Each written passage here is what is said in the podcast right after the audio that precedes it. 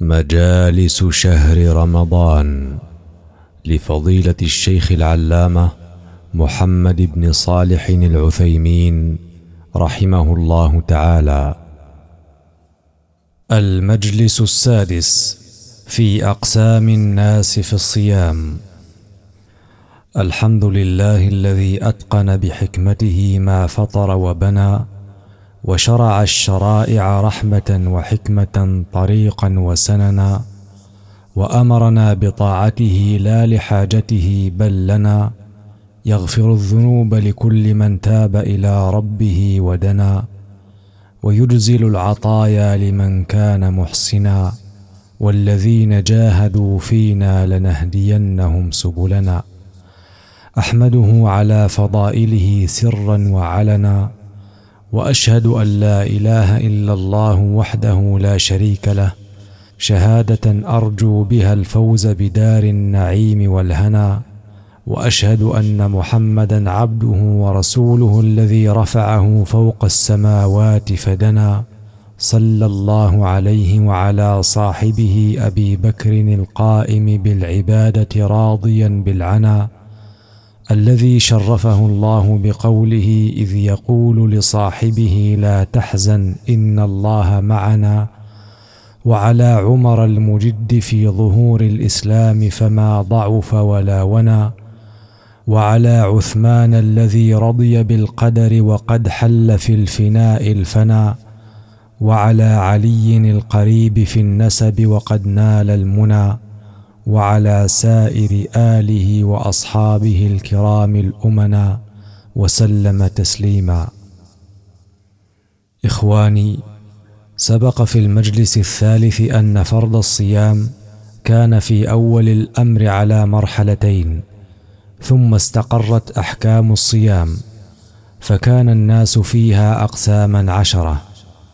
القسم الأول المسلم البالغ العاقل المقيم القادر السالم من الموانع فيجب عليه صوم رمضان أداء في وقته لدلالة الكتاب والسنة والإجماع على ذلك.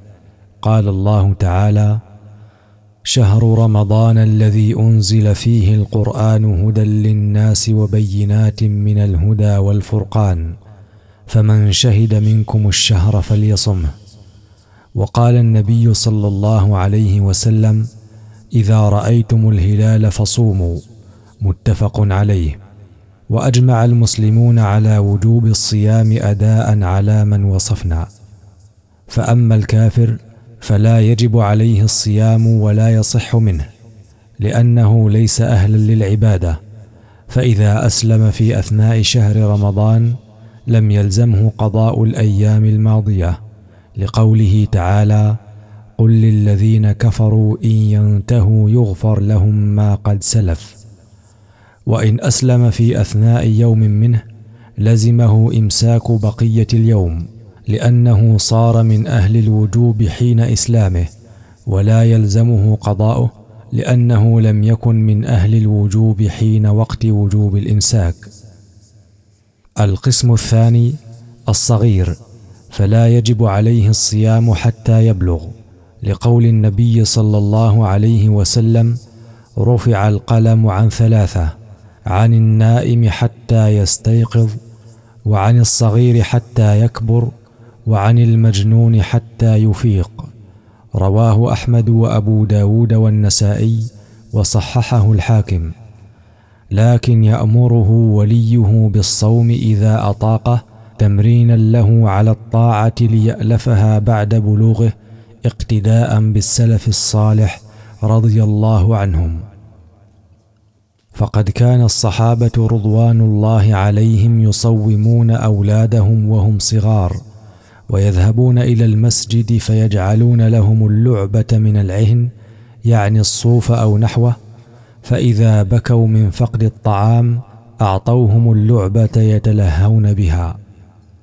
وكثير من الأولياء اليوم يغفلون عن هذا الأمر ولا يأمرون أولادهم بالصيام بل إن بعضهم يمنع أولاده من الصيام مع رغبتهم فيه يزعم أن ذلك رحمة بهم.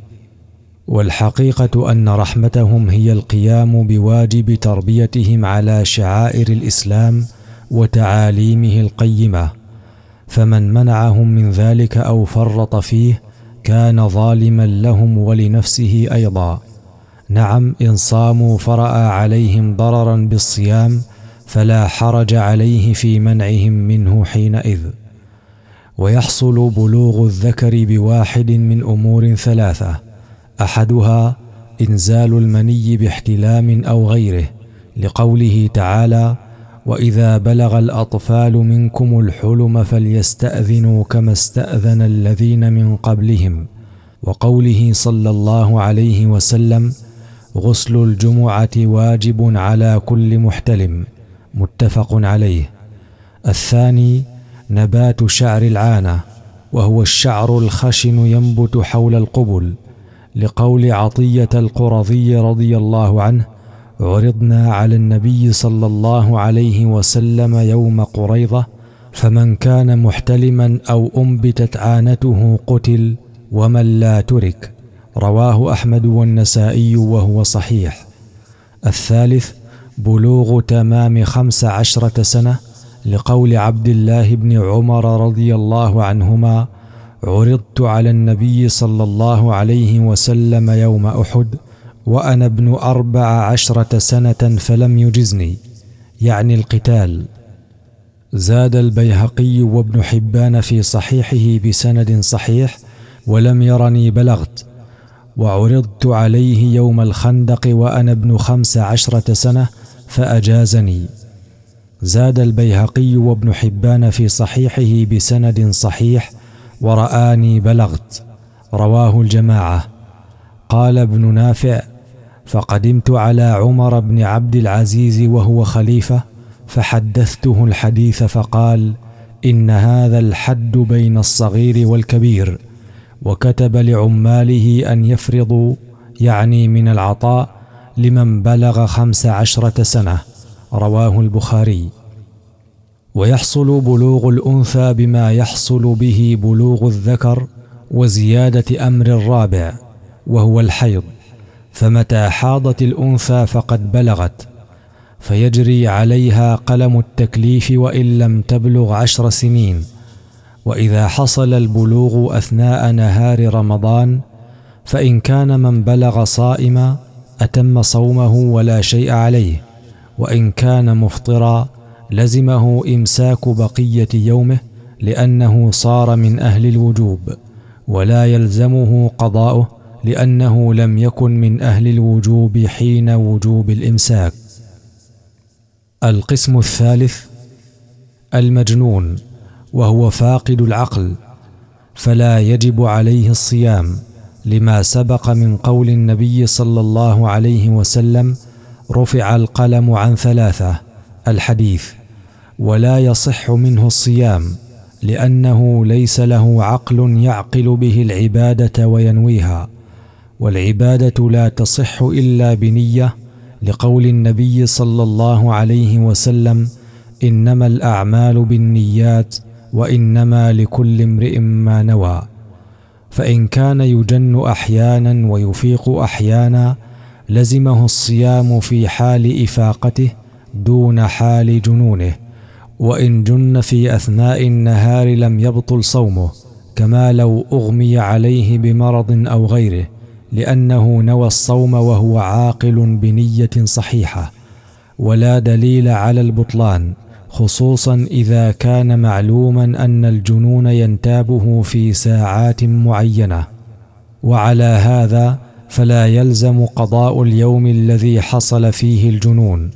وإذا أفاق المجنون أثناء نهار رمضان لزمه إمساك بقية يومه لأنه صار من أهل الوجوب. ولا يلزمه قضاؤه كالصبي إذا بلغ والكافر إذا أسلم. القسم الرابع الهرم الذي بلغ الهذيان وسقط تمييزه فلا يجب عليه الصيام ولا الإطعام عنه لسقوط التكليف عنه بزوال تمييزه فأشبه الصبي قبل التمييز.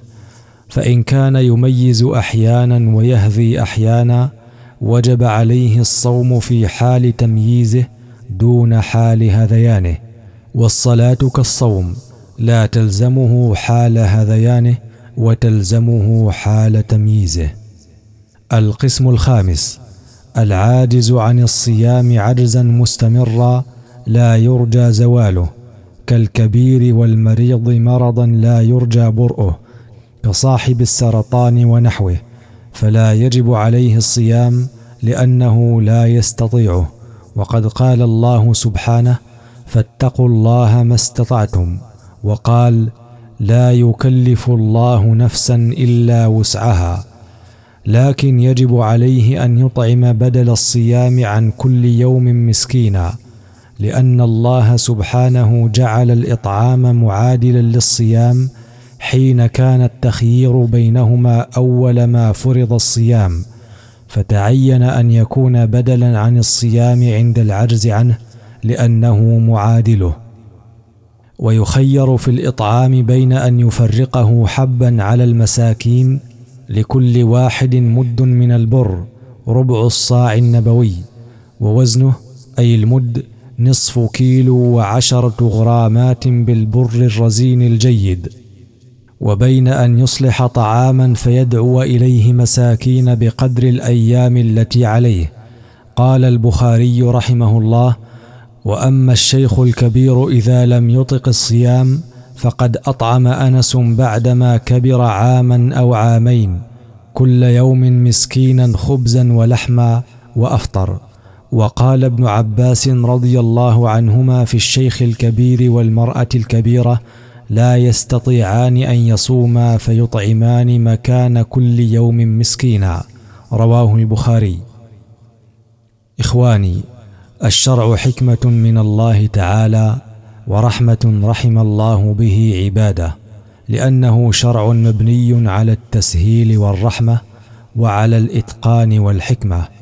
أوجب الله به على كل واحد من المكلفين ما يناسب حاله ليقوم كل أحد بما عليه منشرحا به صدره ومطمئنة به نفسه يرضى بالله ربا وبالإسلام دينا وبمحمد صلى الله عليه وسلم نبيا.